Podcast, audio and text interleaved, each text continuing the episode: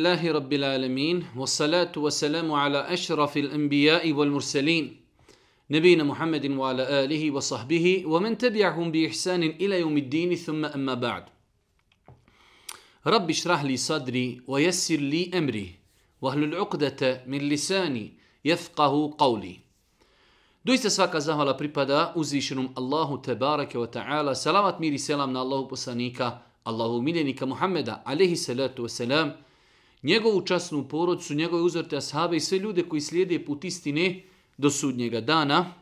Uvažena braćo i poštovani sestre, uvaženi gledatelji, evo nas u još jednoj našoj emisiji, u još jednom našem predavanju u kojim se družimo sa odabranim ajetima iz Kur'ana. Večera su to odabrani ajeti sure Fusilet. Sura Fusilet je 41. sura u Kur'anu ili u Mushafu, onako kako su danas poredane sure, a to je 61. sura objavljena Božim poslaniku, alihi salatu wasalam. Ova sura je objavljena nakon sure Gafir, koju smo juče komentarisali, a nakon nje je objavljena sura Zuhruf. Ova sura je jedna od sura koje su također objavljene u Mekki po konsenzusu islamskih učenjaka i ima 54 ajeta. Mnogo, doista mnogo puta, nadam se da smo oko Bog da svi to gradivo utvrdili, da je velika razlika između sura koje su objavljene u Mekki i Medini.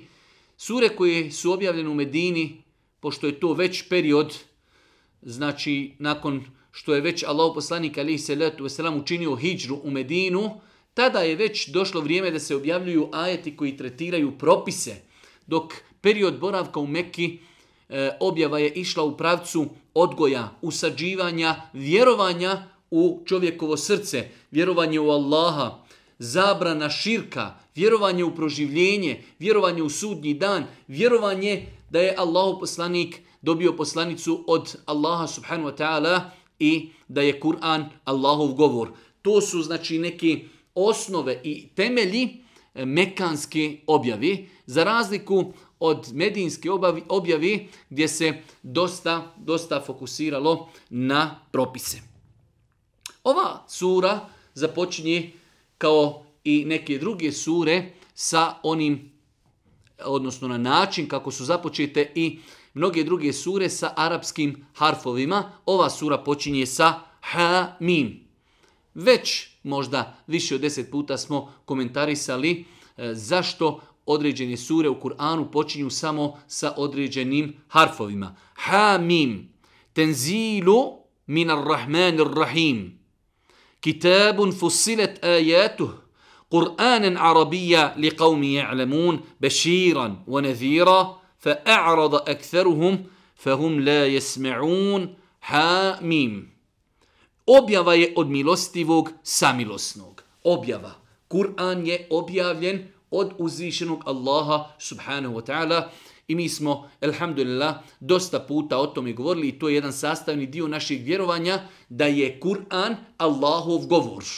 Da je Kur'an Allahov govor koji je posredstvom Džibrila alaihi salatu wasalam objavljen Allahovom poslaniku alaihi salatu wasalam.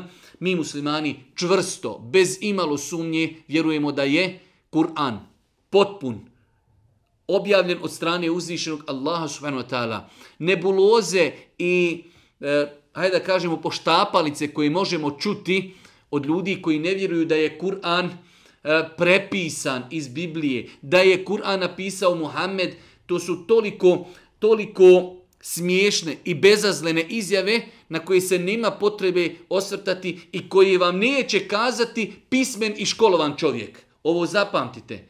Pismen i školovan čovjek koji pročitao Kur'an neće vam kazati da je Kur'an napisao Muhammed. Niti će kazati da je Kur'an prepisan iz Biblije. Pismen i školovan to čovjek ne može sebi dopustiti. Kada vidi šta i na koji način tretira Kur'an. Pa kaže uzvišeni Allah subhanahu wa ta'ala, objava je od milostivog samilosnog. Znači, rekli smo da uzvišeni Allah subhanahu wa ta'ala ima lijepa imena i svojstva. Sastavni dio vjerovanja u Allaha te barek ta'ala jeste da vjerujemo da uzvišeni Allah ima lijepa imena i lijepa svojstva u kojima mu niko od njegovih stvorenja ne sliči pa je jedno od Allahovih imena lijepi Ar-Rahman, a drugo Ar-Rahim, koja ta imena su spomenuta i u Bismilli. Bismillah, Bismillahirrahmanirrahim, u ime Allaha, milostivog, samilosnog. Pa je uzvišeni Allah subhanahu wa ta'ala od njegovih imena i njegovih svojstava jeste milost, rahmet. U vjerodostojnim hadisma je došlo da je Allah poslanik alaihi salatu wasalam kazao uzvišeni Allah ima 99 milosti koje je ostavio za ahiret. A jednu milost je samo spustio na dunjaluk i ta milost je obuhvatila sva Allahova subhanu wa ta'ala stvorenja. Pa je uzvišeni Allah subhanu wa ta'ala milostiv.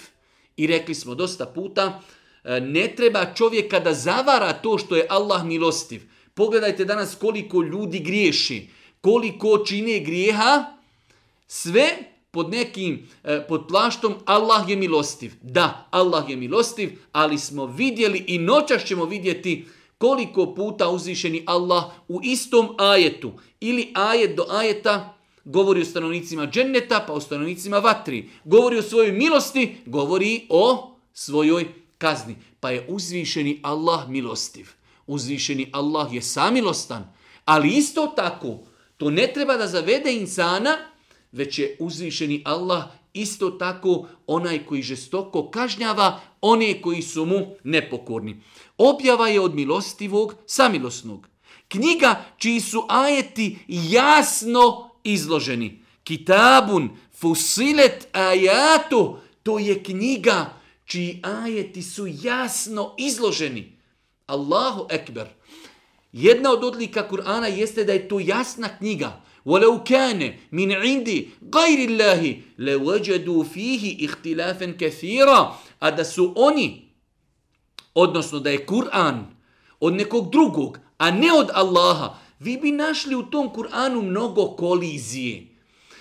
Uzmite primjera i danas, a da ne govorimo u prijašnje vrijeme, e, znači, Arapi su znali pisati, govoriti jezikom, njihovi pjesnici su znali napisati pjesmu ili neku poeziju koju i danas dan doktori arapskog jezika veoma teško razumiju. A Kur'an, evo mi kao stranci, učiš dvije godine arapski jezik i dođeš na nivo da otprilike možda 80-90% Kur'ana čitaš i razumiješ. Pa je Kur'an napisan, izrečen jednostavnim, laganim stilom. Šta želim isto da kažem, pogotovo kada je u pitanju prijevod značenja, svako od nas treba da čita Kur'an, da se druži sa Kur'anom i da iz njega crpi da iz njega crpi i snagu i elan i da se podučava propisima. Zašto? Jer je to jasna knjiga. Imaju određeni ajeti koji razumije i zna samo ulema i treba pitati učenjake kako ispravno razumjeti, ali možda preko 80% ajeta, pa i 90% ajeta u Kur'anu, prosječno obrazovan čovjek kada pročita u Kur'anu može to razumjeti i shvatiti. وَلَقَدْ يَسَرْنَ الْقُرْآنَ لِذِكْرِ Mi smo Kur'an olakšali. فَهَلْ مِمْ مُدَّكِرْ Ima li oni koji želi da razmisli, da uzmu pouku? Pa kaže uzvišeni Allah, Kitabun fusilet ajatu, to je knjiga čiji su ajeti jasno izloženi. Kur'an na arapskom jeziku za ljude koji znaju. Kur'an na arapskom jeziku. Kur'an je objavljen na arapskom jeziku i definitivno najbolji, najpotpuniji, najsavršeniji, najprecizniji jezik na planeti je definitivno arapski jezik. Pa je zbog toga uzvišen je Allah subhanahu wa ta'ala objavio Kur'an na arapskom jeziku. Mi muslimani posvećujemo mnogo pažnje arapskom jeziku ne zbog Arapa, niti zbog ekonomije, niti ne, mi, Kur'a, mi pokazu i posećujemo veliku pažnju arapskom jeziku zato što je na arapskom jeziku objavljen Kur'an i na arapskom jeziku su izrečeni hadisi Allahu poslanika alejhi salatu vesselam Ibn Taymije rahmetullahi alejhi u svojoj jednoj knjizi Iktidau sirat al-mustaqim kaže al-lughatu al-arabiyyatu min ad-din Arapski jezik je sastavni dio vjeri wa ma'rifatuha fardun wajib spoznaja, kaže, arapskog jezika je farz, vađib. Zašto? Jer, kaže, nemoguće je razumjeti Kur'an i sunnet osim putem arapskog.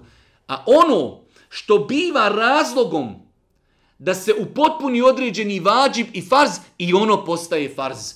Pa je nama farz da znamo vjeru. A ne možemo znati vjeru osim putem arapskog jezika. Pa nam i arapski jezik, postaje vid obavezi. Pogotovo učenim ljudima koji tumače ljudima vjeru moraju imati pristup ključeve, u ovom slučaju je to arapski jezik, knjige Akide i Tefsira i Fikha i Usula, sve je to napisano na arapskom jeziku. Pa kaže uzvišeni Allah subhanahu wa ta'ala, Kur'anen arabijen li qavmi ja'lemun, Kur'an na arapskom jeziku za ljude koje znaju, vjesnik radosnih vijesti i opomena. O tome smo više puta govorili, znači i Kur'an, njegov metod je i opominje i zastrašuje, ali isto tako donosi radosne vijesti, Kur'an donosi radosnu vijest za vjernike, za one koji su pokorni, za one koji slijedi e, eh, Allaha subhanahu wa ta'ala u njegovim naredbama, slijedi poslanika alihi salatu wasalam, pokoravaju se iskreni su, robuju Allahu, bogobojazni su, za njih Kur'an donosi radosnu vijest.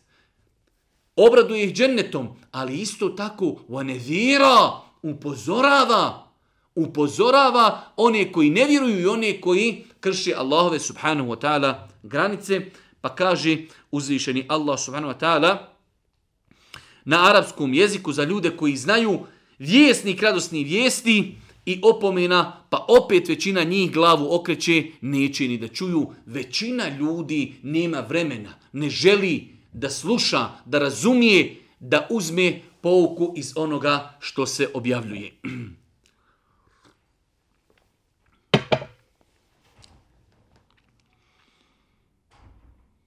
U petom i šestom ajetu sure Fusinet kaže uzvišeni Allah وَقَالُوا قُلُوبُنَا فِي أَكِنَّةِ مما تدعون إليه وفي آذاننا وقر ومن بيننا وبينك حجاب فاعمل إننا عاملون Srca naša su, govori oni, nevjernici, pod pokrivačima, daleko od onoga čemu nas ti pozivaš. I mi smo gluhi za to. A između nas i tebe je pregrada. Pa ti radi i mi ćemo raditi. Reci, ja sam čovjek kao i vi. Samo, Meni se objavljuje da je vaš Bog samo jedan Bog. Zato se njemu iskreno klanjajte i od njega oprost tražite, a teško onima, teško onima koji njemu druge ravnim smatraju. Ovdje uzvišen Allah te barek vetala navodi govor i inat nevjernika za vrijeme Božijeg poslanika kako su odbijali istinu kažu nemoj nam se obraćati o Muhammede, na našim srcima je koprena, do nas ne dolazi to što ti govoriš. Naša srca su pod pokrivačem, daleko od onoga čemu nas ti pozivaš, a mi smo gluhi za to. Između tebe i nas je prijegr, mi gluhi ne čujemo, nemoj nam se obraćati. Pogledajte inata, pogledajte oholosti. Između nas i tebe je prijegrada, ali kažu oni fa'amel i nena amilun lekum dinu kum volije din. Oni kažu poslaniku, radi ti kako hoćeš, pusti nas da mi radimo kako mi hoćemo. E, bavo, tako i mi kažemo, nama naša vjera, a vama vaša vjera. Lekum dinu kum volije din. Vama vaša vjera, nama naša vjera. Radi ti poslaniče, kaže kako god hoćeš, a pusti i nas da mi radimo kako hoćemo. Kaže Allahu poslanik, odnosno uzvišeni Allah mu kaže, reci, ja sam čovjek kao i vi, samo meni se objavljuje da je vaš Bog samo jedan Bog. Allahu poslanik, iako je bio najbolji insan koji je kročio planetom, on kaže, što se tiče mene i vas, ja sam poput jednog od vas, imam potrebu, jedem, piće pijem, žene, ženim se, imam supruge, imam djecu, spavam, nemam nikakvih božanskih osobina. To je ispravno ubjeđenje i vjerovanje da su poslanici bili iz vrsti, iz roda ljudi. Nisu imali nikakve božanske osobine, ali kaže, meni se objavljuje, mene je Allah odabrao i počastio da dobivam objavu. Od onoga što mi je objavljeno, nema Boga osim Allaha. Pa kaže uzvišeni Allah subhanahu wa ta'ala Kul innama ana bešerum mithnukum juha ilaje annama ilahukum ilahun wahid festaqimu ilaihi wastagfiruhu wa vajlu lil mušrikin meni se objavljuje o nevjernici da nema drugog Boga osim Allaha. I rekli smo da period Mekke objava Mekanska mnogo, mnogo pažnje posvećuje ovoj kuranskoj tezi i ovoj kur, ovom kuranskom pravilu nema Boga osim Allaha.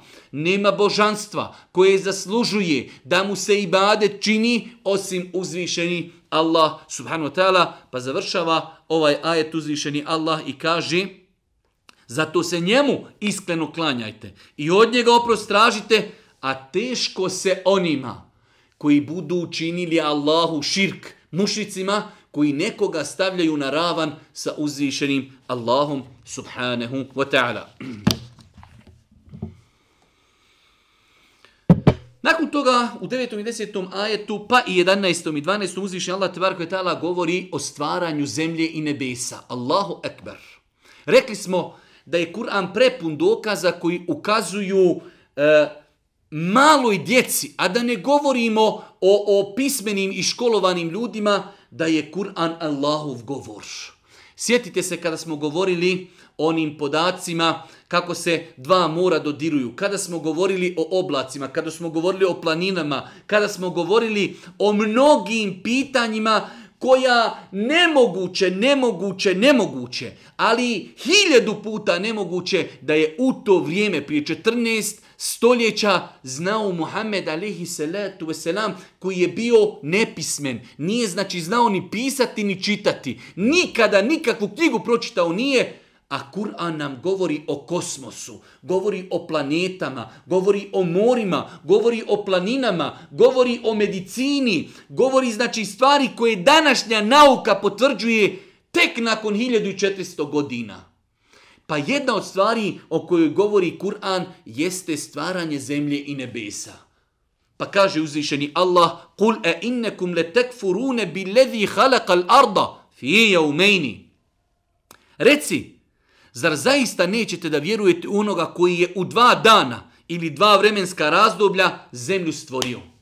Uzviši Allah sve na u Kur'anu spominje u viši različitih ajeta, čak je to bilo razlogom da neko i ne razumije ispravno ovo pitanje. Uzviši Allah sve na zemlju i nebesa stvorio je u šest vremenskih razdoblja ili šest dana. Zašto ovdje koristimo dva termina? E, zato što je zaista došlo je u main, je um je u main, dan dani, ali prije nego što je Allah stvorio zemlju i nebesa, nisu pojave bile onakve kakve su danas pojave. Nakon što je stvorena zemlja i nebesa, tada je počeo proces dan-noć, dan-noć. Allah Đelšanu kaže u Kur'anu stvorio je zemlju u dva dana. Pa kažu islamski učenjaci, po konsenzusu učenjaka ne misli se na dan koji je nama sada poznat. Već ova riječ dan ovdje može značiti vremenski period, čak je to po nekim učenjacima vremenski period od hiljedu godina. Allah Đeršanu najbolje zna dužinu tog perioda, ali ga Allah Đeršanu naziva jeum, naziva ga dan. Ali to po konsenzusu učenjaka nije znači ovaj dan kojeg mi danas imamo. Znači da zemlja, da zemlja, e, da sunce i zemlja znači e, kruže, pa imamo dan, imamo noć. Ne, Znači, ne misli se na taj dan. Pa uzvišeni Allah s.w.t. spominje u Koranu da je zemlju i nebesa stvorio u šest dana. Šest tih vremenskih, šest vremenskih epoha ili šest vremenskih razdoblja. Pa kaže uzvišeni Allah, zar zaista nećete da vjerujete onoga koji je u dva dana, u dva vremenska razdoblja zemlju stvorio? Zar nećete da vjerujete u Allaha koji je stvorio zemlju u dva dana ili dva različita vremenska perioda. I još mu druge ravni smatrate. To je gospodar svjetova. On je nepomična brda pod njoj stvorio i blagoslovljenom je učinio i proizvode njene na njoj odredio. Sve to u četiri dana, odnosno četiri vremenska razdoblja, ovo je objašnjenje za one koji pitaju. Aha, imamo znači, zapamtite, ako bi vas nekada neko pitao, islamski učenjaci imaju jednoglasan stav da je zemlja stvorena prije nebesa. Pa ovdje vidimo da uzvišeni Allah spominje još dva dana kada je u pitanju stvaranje zemlje. Pa kažu islamski učenjaci na osnovu drugih ajeta i sure Nazi'at e, i na osnovu opet drugih kuranskih ajeta, kada sve te ajete objedinimo, dobijemo značenje da je Allah stvorio zemlju u dva dana, dva vremenska perioda, pa je stvorio nebesa, sedam nebesa u dva vremenska perioda, nakon toga ponovo je usavršio i upotpunio stvaranje zemlje i onoga što imamo na zemlji. Na taj način je ispravno razumijevanje, kako je to pojasnio Ibnu Abbas, poznati, eh, eh, poznati mu Fesir, ashab za kojeg je poslanik Ali Selatu selam dovio da ga uzišnji Allah poduči znanju o Kur'anu i tefsiru. On je na taj način spojio različite ajete koji govori o tome kada i ukoliko vremenskih razdoblja i dana je uzišnji Allah stvorio zemlju i nebesa, pa je prvo stvorena zemlja i nebe, zemlja, znači po konsenzusu učenjaka. Nakon toga su stvorena nebesa, nakon toga je uzvišeni Allah usavršio i potpunio u dva još dodatna dana i dva različita perioda usavršio stvaranje zemlje, što znači svega šest, šest dana. Nakon toga uzvišnji Allah s.a. kaže ثُمَّ سْتَوَا إِلَى السَّمَا وَهِيَ دُخَانِ فَقَالَ لَهَا وَلِلْ أَرْضِ ائتيا طوعا أو كرها قالتا أتينا طائعين فقضاهن سبع سماوات في يومين وأوحى في كل السماء أمرها وزينا السماء الدنيا بمصابيح وحفظا ذلك تقدير العزيز العليم 11. i 12. ajet nastavlja uzvišeni Allah nakon što je spomenuo da je zemlju stvorio u dva dana spominje i kaže zatim se nebeskim visinama uputio uzvišeni Allah subhanahu wa ta'ala onako kako njemu doliči dok je nebo još bilo magla, duhan, dok je bilo, znači, duhan, kao što i mi danas kažemo dim, dok je bilo u nekom maglovitom i dimovitom stanju, pa kaže, zatim se nebeskim visinama uputio dok je nebo još magla i dim bilo, pa njemu i zemlji rekao, pojavite se milom ili sino, silom, pojavljujemo se drage volje. Allahu ekber, Allah Đelšanuhu poziva zemlju i nebesa, kaže, pojavite se ili milom ili silom, pa su se zemlja i nebesa pokorila uzvišenom Allahu, pa kažu, mi se pojavljujemo drage volje. Odgovorili su, pa ih je u dva dana ili dva vremenska razdoblja kao sedam nebesa stvorio i odredio šta će se u svakom nebu nalaziti. A nebo, najbliže s najnim zvijezdama smo ukrasili i nada njim mi bdijemo. Ili zvijezde čuvaju nebo, to je odredba silnog i sveznajućeg. Citirano, e, ciljano sam spomenuo ove ajete samo da jednostavno vidite o kakvim stvarima sve govori Kur'an. Da uzvišeni Allah kao stvoritelj zemlje i nebesa pojasnio je nama svojim robovima kako i kada je stvorena zemlja i nebesa. Pa znači, po konsenzusu islamskog učenjaka, zemlja je stvorena prije nebesa. Pa su stvorena sedam nebesa, nakon toga još dva dana uzvišeni Allah subhanu wa ta'ala je... E, veoma je teško naći određeni izraz, ali je uzvišeni Allah, evo možemo kazati, upotpunio i usavršio stvaranje zemlje kao što je došlo u suri En-Nazi'at gdje kaže vol arda ba'de zalike dehaha pa je usavršio i prostro ili upotpunio stvaranje zemlje nakon što je stvorio uzvišeni Allah subhanahu wa ta'ala nebesa. Pa kaže uzvišeni Allah i o tome smo govorili već u nekoliko predavanja zašto je uzvišeni Allah stvorio zvijezde. Ovdje uzvišeni Allah kaže a nebo najbliže vama. Sjajnim zvijezdama smo ukrasili. Zvijezde su ukras na nebu. Zvijezde pomažu ljudima da se orijentišu prilikom putovanja i zvijezde čuvaju nebo od šetana koji prisluškuju informacije na nebu. To su tri razloga zbog kojih uzvišeni Allah tebara kvetala stvorio zvijezde i to nam jasno Kur'an potvrđuje zvijezde. Zvijezde i njihovo, njihovi položaji nemaju apsolutno nikakve vezi sa čovjekom sudbinom i rekli smo da je haram strogo, strogo znači neispravno čovjek čita horoskope koji govori o uticaju zvijezda na naš život. Apsolutno to nema nikakve veze.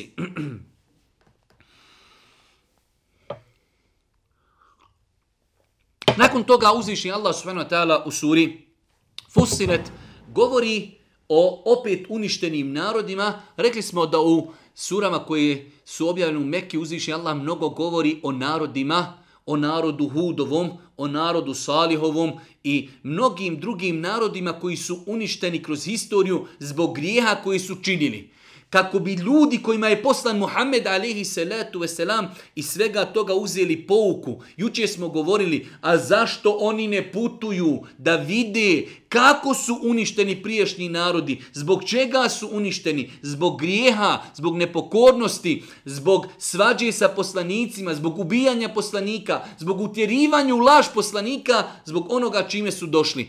Pa i u ovoj suri uzvišeni Allah govori o Adu i Semudu, pa ćemo evo uzeti dva ajeta o tome.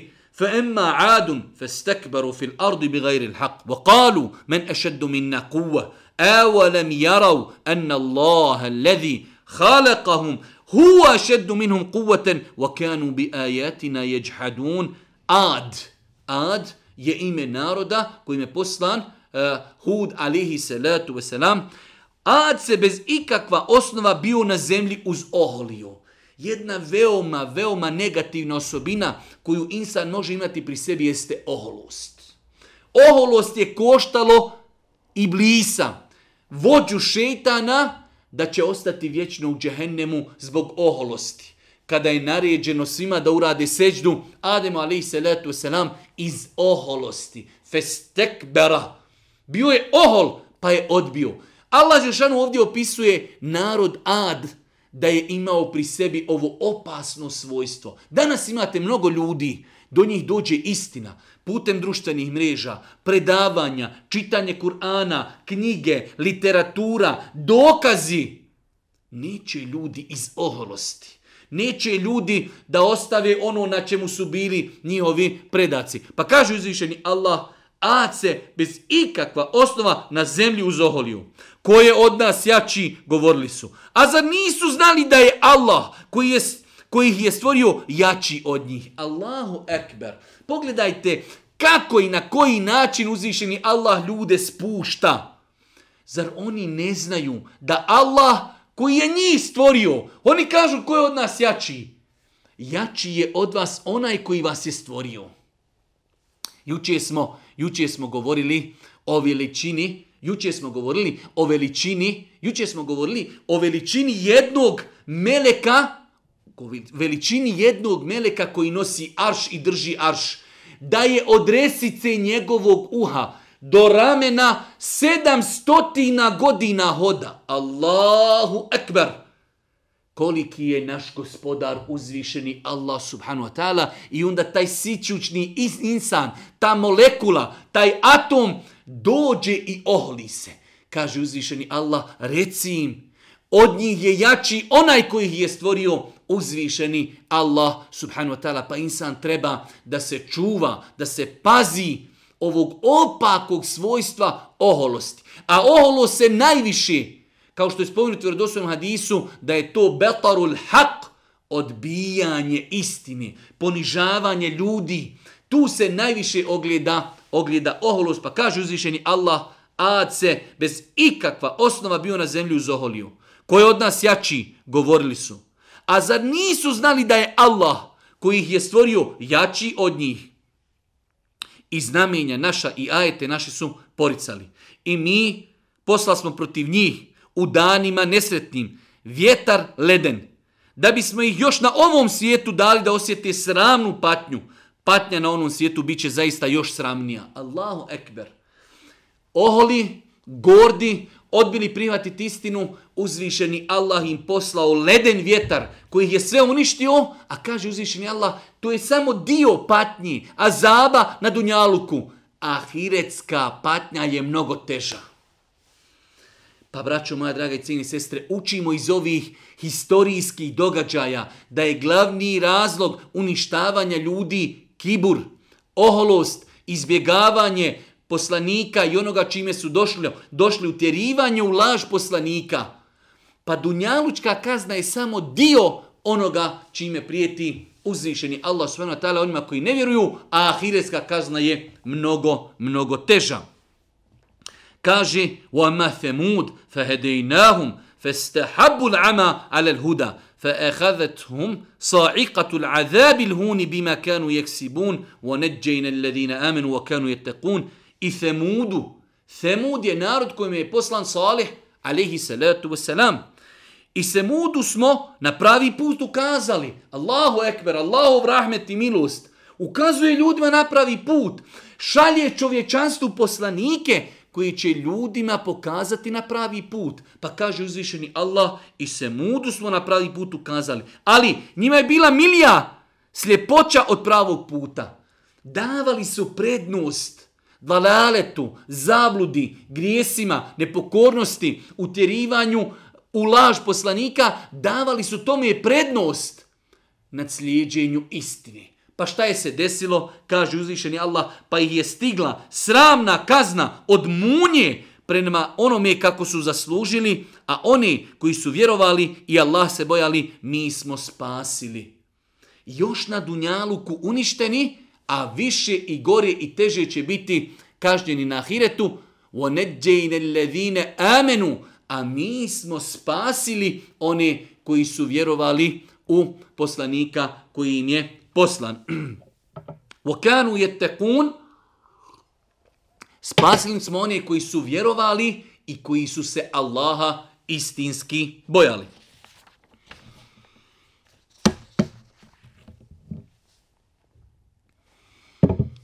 Nakon toga u suri Fosinet 19. do 24. ajeta jedan interesantan moment koji će se desiti na sudnjem danu. Mi smo nedavno, kada smo komentarisali suru Jasin, govorili o sličnom pitanju kako će se desiti da će protiv čovjeka svjedočiti njegovi ekstremiteti. Pa evo ovdje još jedno detaljno pojašnjenje kako će se to desiti da će protiv ljudi svjedočiti njihovi ekstremiteti. Veoma jedan težak pojašnjenje moment za čovjeka kada protiv njega budu usvjedočile njegove ruke, njegove oči, njegove uši, njegove noge i tako dalje. Kaže uzvišeni Allah: "Wa yawma yuhsharu a'da'u Allahi ila an-nar, fahum yuz'un." Na dan kada Allahovi neprijatelji u vatru budu potjerani. Allahovi neprijatelji su oni koji ne vjeruju u Allaha na način kako je objavljeno u Kur'anu i kako je od njih tražio Muhammed alejhi salatu vesselam. selam. A na dan kada Allahovi neprijatelji u vatru budu potjerani, oni prvi će biti zadržani da ih sustignu ostali, bit će znači gonjeni u vatru zajedno.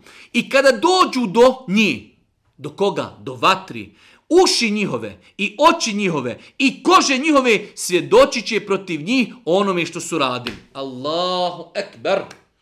U suri, u suri Jasin Allah Žešan kaže zapečaći ćemo njihova usta. Ovdje se kaže i uši njihove, i oči njihove, i kože njihove. Allahu ekber. Oči, uši, koža. Svjedoči protiv insana na sudnjem danu. Šta je sad?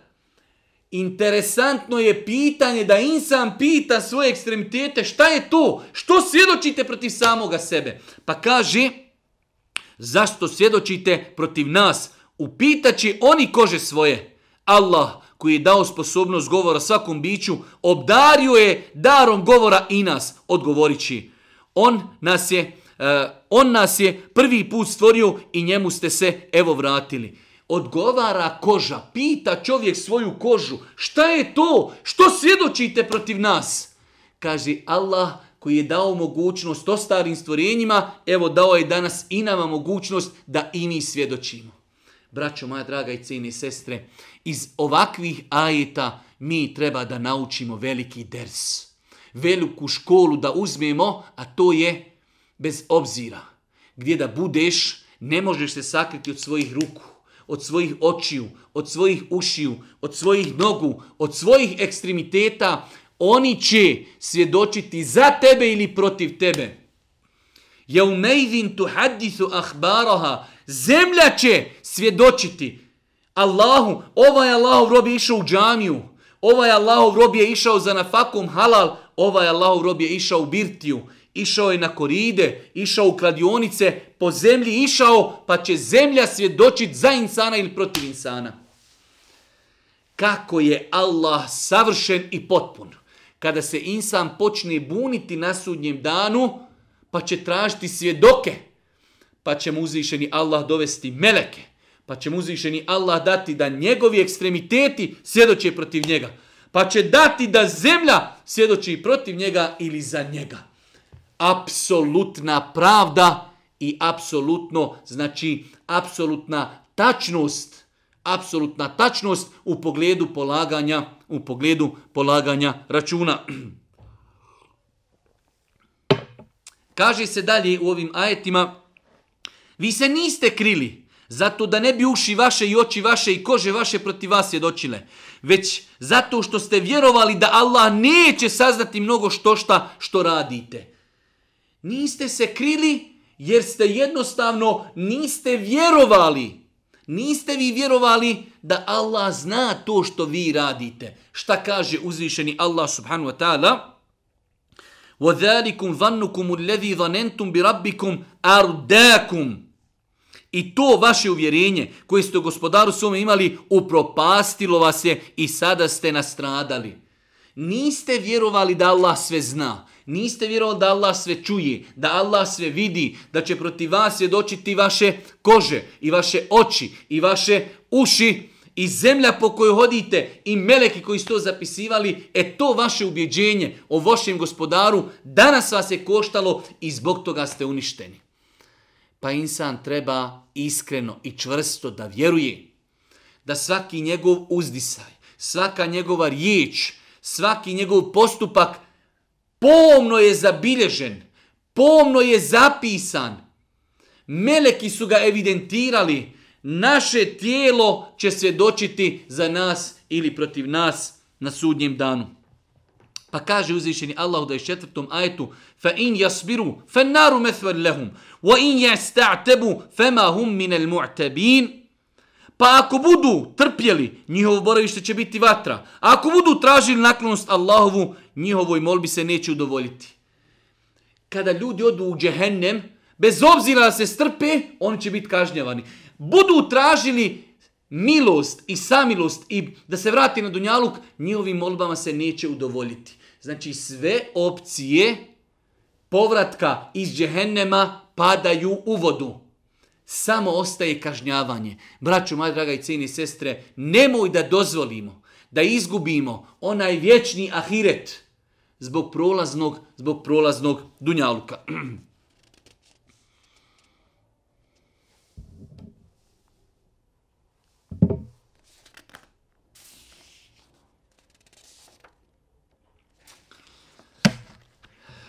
U 30.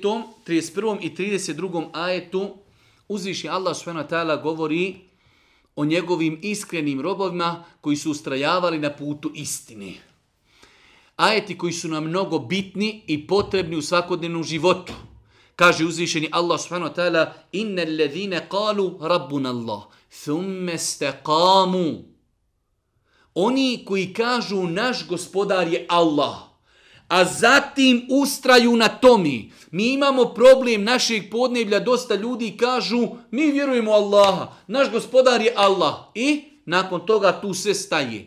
Nema namaza, nema posta, nema zekijata, nema namaza, nema hijjaba, nema sadake, nema, nema, nema. Ima mnogo grijeha, mnogo kamate, mnogo... Uh, Eh, kladionica, mnogo alkohola, mnogo bluda, mnogo razgoličenosti i tako dalje. Inne lezine kalu rabbun Allah. Thumme ste kamu. Oni koji kažu, mi vjerujemo u Allaha, naš gospodar je Allah, a zatim ustraju, ako je on naš gospodar, njemu se pokoravamo, slušamo njegove naredbe, ostavljamo ono što je on zabranio. Kakva nagrada ih čeka? Oni koji govori, gospodar naš je Allah, pa poslije ostanu pri tome, ustraju, dolaze im meleki, donose im radosnu vijest. Kažu islamski učenjaci, u tri slučaja meleki dolaze ljudima, donose im radosnu vijest. Kada umiru, kada budu proživljavani i na sudnjem danu. Kada budu, znači, e, u kaburu, kada budu kod, na smrti i kada budu proživljavani. U tri situacije, kada ljudi umiru, u kaburu i kada budu proživljavani, u tri situacije meleki dolaze ljudima i donose im radosnu vijest onima koji zaslužuju. Pa kažu, meleki, ne bojte se i ne žalostite se. Radujte se džennetu koji vam je obećan. Allahu ekbar. Nemojte strahovati. Čovjek strahuje za nešto u budućnosti, ali nemojte se ni žalostiti. Čovjek ima dva problema u životu, budućnost i prošlost. Meleki kažu ljudima kada im smrt nastupi. Nemojte strahovati. Ako Bog da vi ćete dobro proći kabur, idete na sudnji dan, idete u džennet. Nemojte se žalostiti zbog onih koji su ostali. Ne bojte se. Mi ćemo njih čuvati. Na faka im je određeno od uzvišnog Allaha te barakve ta'ala. Pa meleki dolaze ljudima na samrti, u kaburu i kada budu proživljavani, donose im radosne vijeste i kažu... Radujte se džennetu koji vam je obećan. Mi smo zaštitnici vaši i u životu na ovome svijetu i na onome svijetu. Mi smo vas štitili, čuvali, pazili na dunjaluku. Mi ćemo vas tako isto štititi i paziti i čuvati na ahiretu. U njemu ćete, u džennetu, imati sve ono što duše vaše zaželi. I šta god zatražite, imat ćete, bit ćete počašćeni od onoga koji prašta i koji mi, milostiv. Subhanallah il azim. Ovo je jedan najsveobuhvatni ajet koji govori o uživanju u džennetu. Kaže uzvišeni Allah, znači uzvišeni Allah govori o govoru meleka وَلَكُمْ فِيهَا مَا تَشْتَهِ أَنْفُسُكُمْ وَلَكُمْ فِيهَا مَا تَدَّعُونَ Što god vam duše poželi i što god zatražite, imat ćete u džennetu. Allahu ekber. Allahu ekber. Allahu ekber. Zar se ne isplati strpiti se na dunjaluku? Na iskušenjima, na ibadetima, na ostavljanju harama imat ćete ma teštehi enfusukum što god vam vaše duše poželi. Volekum fiha ma tedeun što god budete zaiskali vi ćete, vi ćete dobiti. pa braću moja draga, ovaj ajet ukazuje na vrijednost ustrajnosti na Allahovom putu, ustrajnosti na putu istini. Allah Đelšanu, kada govori u suri Ankebut, e hasiben nasu en jekulu amenna wa hum la juftenun, misli li ljudi da je dovoljno da kažu mi vjerujemo, a da neće biti iskušani. Znači mi kada kažemo vjerujemo, naš gospodar je Allah, očekuj iskušenja – Strpi se na pokornosti, strpi se na ostavljanju grijeha. Zbog čega? Zbog dženneta koji nam je obećan.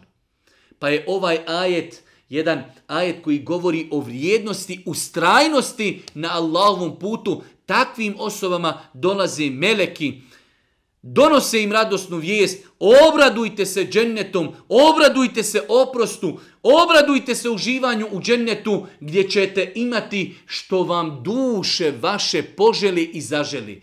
Imaćete sve što zovnete i što god zatražite.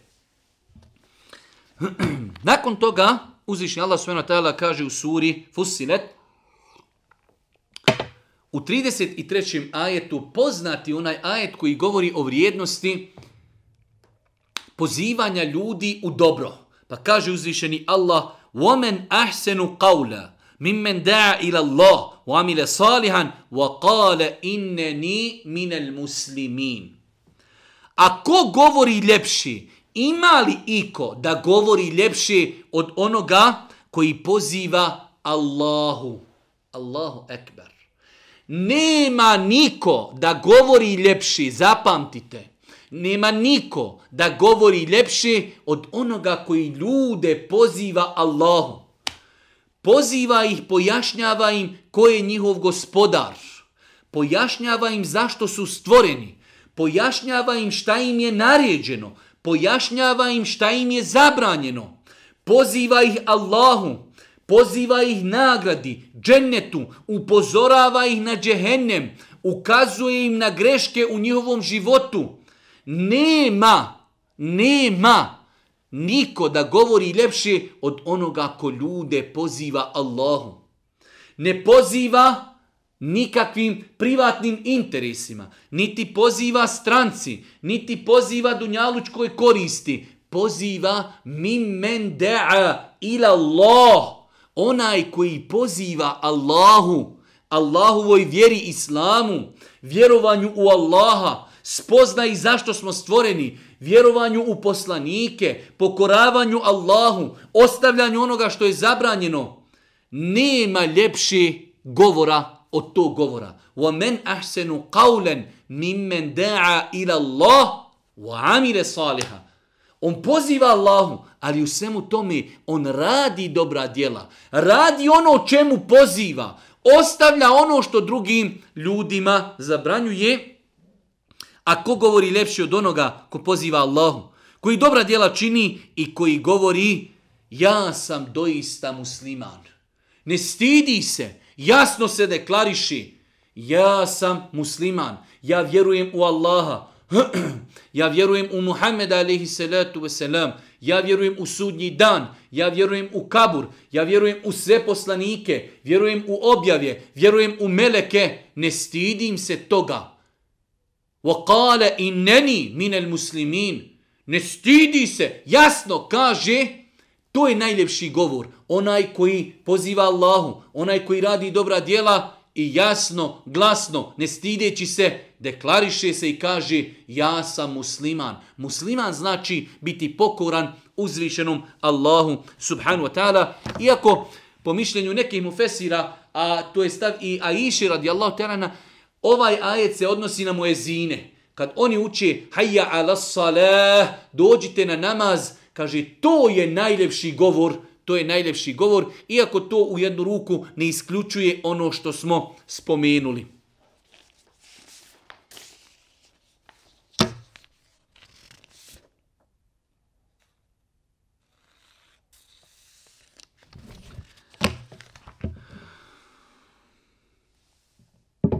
U 34. i 35. ajetu uzvišenja Allah u suri Fusiret kaže وَلَا يَسْتَوِ الْحَسَنَ وَلَا سَيِّئَ ادفع بالتي هي احسن فاذا الذي بينك وبينه عداوه كانه ولي حميم وما يلقاها الا الذين صبروا وما يلقاها الا ذو حظ عظيم واما ينزغنك من الشيطان نزغ فاستعذ بالله انه هو السميع العليم dobro i zlo nisu isto jedno veliko kuransko pravilo dobro i zlo nisu isto.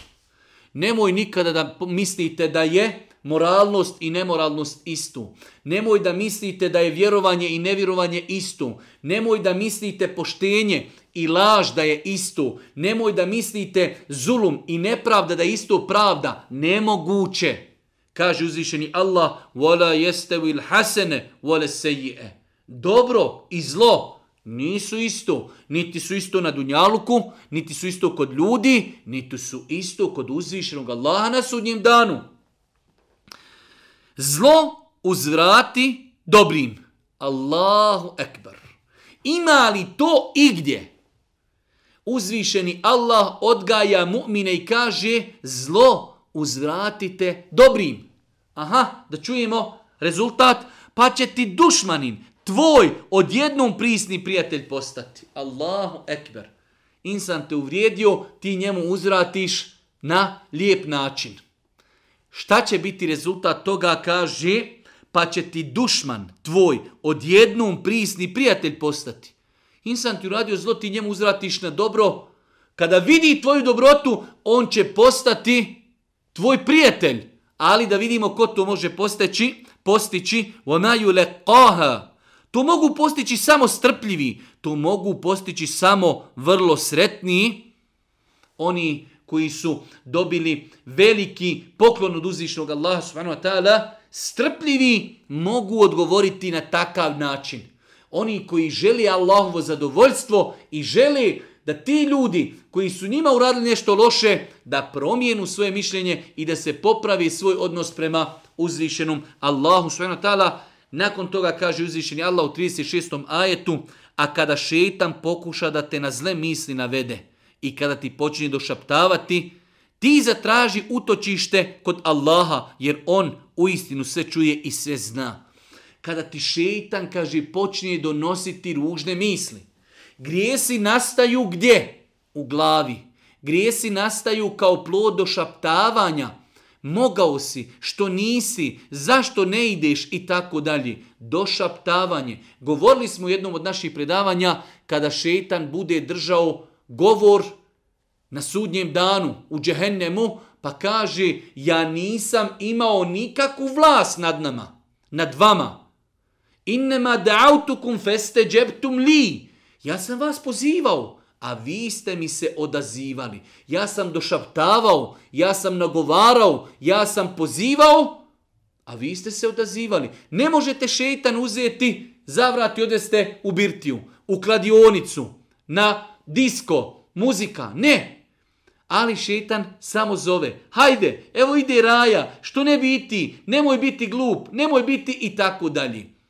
Pa šetan može samo da došaptava, Pa uzvišeni Allah nam daje recept kako da se borimo protiv tog došaptavanja pa kaže wa imma yanzaghannaka min ash-shaytani nazg fasta'iz billah ti zatraži utočište kod Allaha auzubillahi minash-shaytanir rajim kada osjetiš došaptavanje, da ti šetan počne govoriti, mogao si u kladioncu, hajde upali e, porno, hajde ukradi, hajde prevari, a uzbilaj mi šetan rađim. Molim Allaha da me zaštiti od propjetog šetana i njegovog došaptavanja, pa kaže uzvišeni Allah, ti zatraži utočište kod Allaha, jer on, uzvišeni Allah, u istinu sve čuje. On čuje tvoje dozivanje, on čuje to da ti tražiš od Allaha, subhanu wa ta'ala, pomoć innehu huwa semi'u el alim i on je sveznajući, on sve zna. Pa je ovo dobra metoda i način kako čovjek da se bori protiv šeitanskih došaptavanja, da zatraži od uzvišenog Allaha pomoć i da se njemu obrati u borbi protiv najvećeg našeg neprijatelja, a to je, a to je šeitan.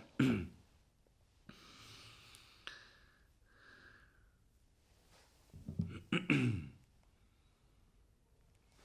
I posljednja dva ajeta koja ćemo ko Bog da komentarisati ili dva, dva, uh, dva dijela ajeta kaže uzvišeni Allah inna alladhina kafaru bi dhikri lamma ja'ahum wa innahu lakitabun aziz la ya'tihi al-batil min bayni yadayhi wa la min khalfihi tanzilun min hakimin hamid oni koji ne vjeruju u Kur'an pošto im je objavljen a on je zaista knjiga zaštićena. Lažju je strana, bilo koje strane, ona je objavlja od mudroga i hvali dostojnog. Allah Jošanu kada opisuje Kur'an kaže innehu wa innehu le kitabun aziz. To je knjiga zaštićena. Ne može joj prići laž i neistina bilo s koje strane. Sve što je u Kur'anu je apsolutna istina. Govor uzvišenog Allaha. Nema nikakve kolizije, nikakve kontradiktornosti. Svaka informacija u Kur'anu je apsolutna istina. Tako čovjek treba da vjeruje. Allah Đelšanu u Kur'anu kaže Inna nahnu nezelne zikra wa inna lehu lehafidhun. Mi objavljujemo zikr, objavljujemo Kur'an, i mi bdijemo nad Kur'anom da ne bi došlo do bilo kakve izmjene, da ne bi došlo do bilo kakvog iskrivljenja kao što je došlo u prethodno nebeskim objavljenim knjigama, ni jednu knjigu uzvišeni Allah nije obećao čuvati osim Kur'an. Pa kaže uzvišeni Allah subhanahu wa ta'ala, A on, Kur'an je zaista knjiga zaštićena. Lažju je strana, nešto strano. Ne može doći u Kur'an laž nikako, bilo s koje strane. Ona je objava od mudroga i hvali dostojnega.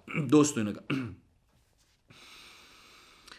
I na kraju, zadnji, 53. i 54. ajet, u većini slučaja počinjemo sa komentarom prva dva, tri ajeta i u većini slučajeva komentaršemo zadnjih nekoliko ajeta iz određenih sura. Kaže uzvišeni Allah, senurihim ajatina fil afaqi wa fi enfusihim hatta je tebejene hatta je tebejene lehum ennehu l'haq. Evo lem jekfi bi rabbike ennehu ala kulli še'in šehid, ela innehum fi mirjetim min liqa'i rabbihim. ela innehu bi kulli shay'in muhit. mi ćemo im pružati i pokazivati dokaze naše u prostranstvima svemirskim. Allah pokazuje dokaze ljudima koji razuma imaju. I mjesec je dokaz, i sunce je dokaz, i zvijezde su dokazi, i ostale planete su dokazi, i oblaci su dokazi, i galaksije su dokazi. Sve je to dokaz koji ukazuje na veličinu uzvišnog Allaha. I u čemu još imaju dokazi? Dokazi mi ćemo im pružati dokaze u naš, naše u prostranstvima svemirskim i u njima samima. Allahu ekber. Dokaz veličine Allaha je insan. Savršenost njegovog tijela. Koliko je različitih sistema u jednom ovom malehnom tijelu. Da bi se zamijenio samo jedan ljudski organ, trebala bi jedna ogromna mašina i pitanje je koliko bi izdržala ta mašina da radi ono što radi jedan mali ljudski organ u ljudskom tijelu. I sve to lijepo fercera i sve to fino u skladu radi. Pa kaže uzvišeni Allah i u vama samima imate dokaze. Samo oni koji hoće razmišljati. I o tome sam više puta govorio. Ne mogu da vjerujem da neko studira medicinu, anatomiju ljudskog tijela i ne vjeruju Allaha. Toliko savršenstvo u svemu, bilo koji dio ljudskog tijela da uzmete analizirati s aspekta medicine, vidjet ćete savršenstvo. Bilo koji dio, počnite od nokta, od koži, od prstiju, od nervnog sistema, od krvnog sistema, bilo šta, od pritiska, od krvotoka, šta god da uzmete, savršenstvo. Savršenstvo fi ahseni takvim. Allah kaže, mi čovjeka stvaramo u najljepšem obliku. Ali je to dokaz veličine uzvišenog Allaha subhanahu wa ta'ala. Kaže uzvišeni Allah, mi ćemo im pružati dokaze naše u prostranstvima svemirskim i u njima samim, dok im ne bude sasvim jasno da je Kur'an istina dok im ne bude jasno da je Allah istina, Islam istina, Kur'an istina. Sve što je u Kur'anu je apsolutna istina. Može se desiti da vas nekada neko upita nešto što ne znate odgovoriti. Ali nemoguće je da islamski učenjaci na to nisu dali odgovor. Da islamski učenjaci nemaju na to odgovor ako vam neko postavi nešto što mu je nejasno o Kur'anu. Zašto? Zato što je on istina, apsolutna istina od uzvišenog Allaha subhanu wa ta'ala. A zar nije dovoljno to što gospodar tvoj o svemu je obavješten? Evo lem jekfi bi rabike ennehu ala kulli šein šehid. Zar nije dovoljno to što uzvišeni Allah svjedoči svemu? Vidi sve, čuje sve, zna sve. Kur'an je njegov, Kur'an je njegov govor. Oni sumnjaju da će pred gospodara svoga stati, a on znanjem svojim obuhvaća sve. Innehu bi kulli in muhit. On obuhvata svojim znanjem sve. Zar im to nije dovoljno kao pokazatelj veličine uzvišenog Allaha subhanahu wa ta'ala molim uzvišnog Allah subhanahu wa ta'ala da nam bude milostiv na sudnjem danu, da nam oprosti grijehe. Molim ga subhanahu wa ta'ala da nas učesti na putu istine i na kraju subhaneke. Allahumma da bihamdike, ešhedu en la ilaha illa ente, estagfiruke wa etubu ilik. Oh, oh, oh.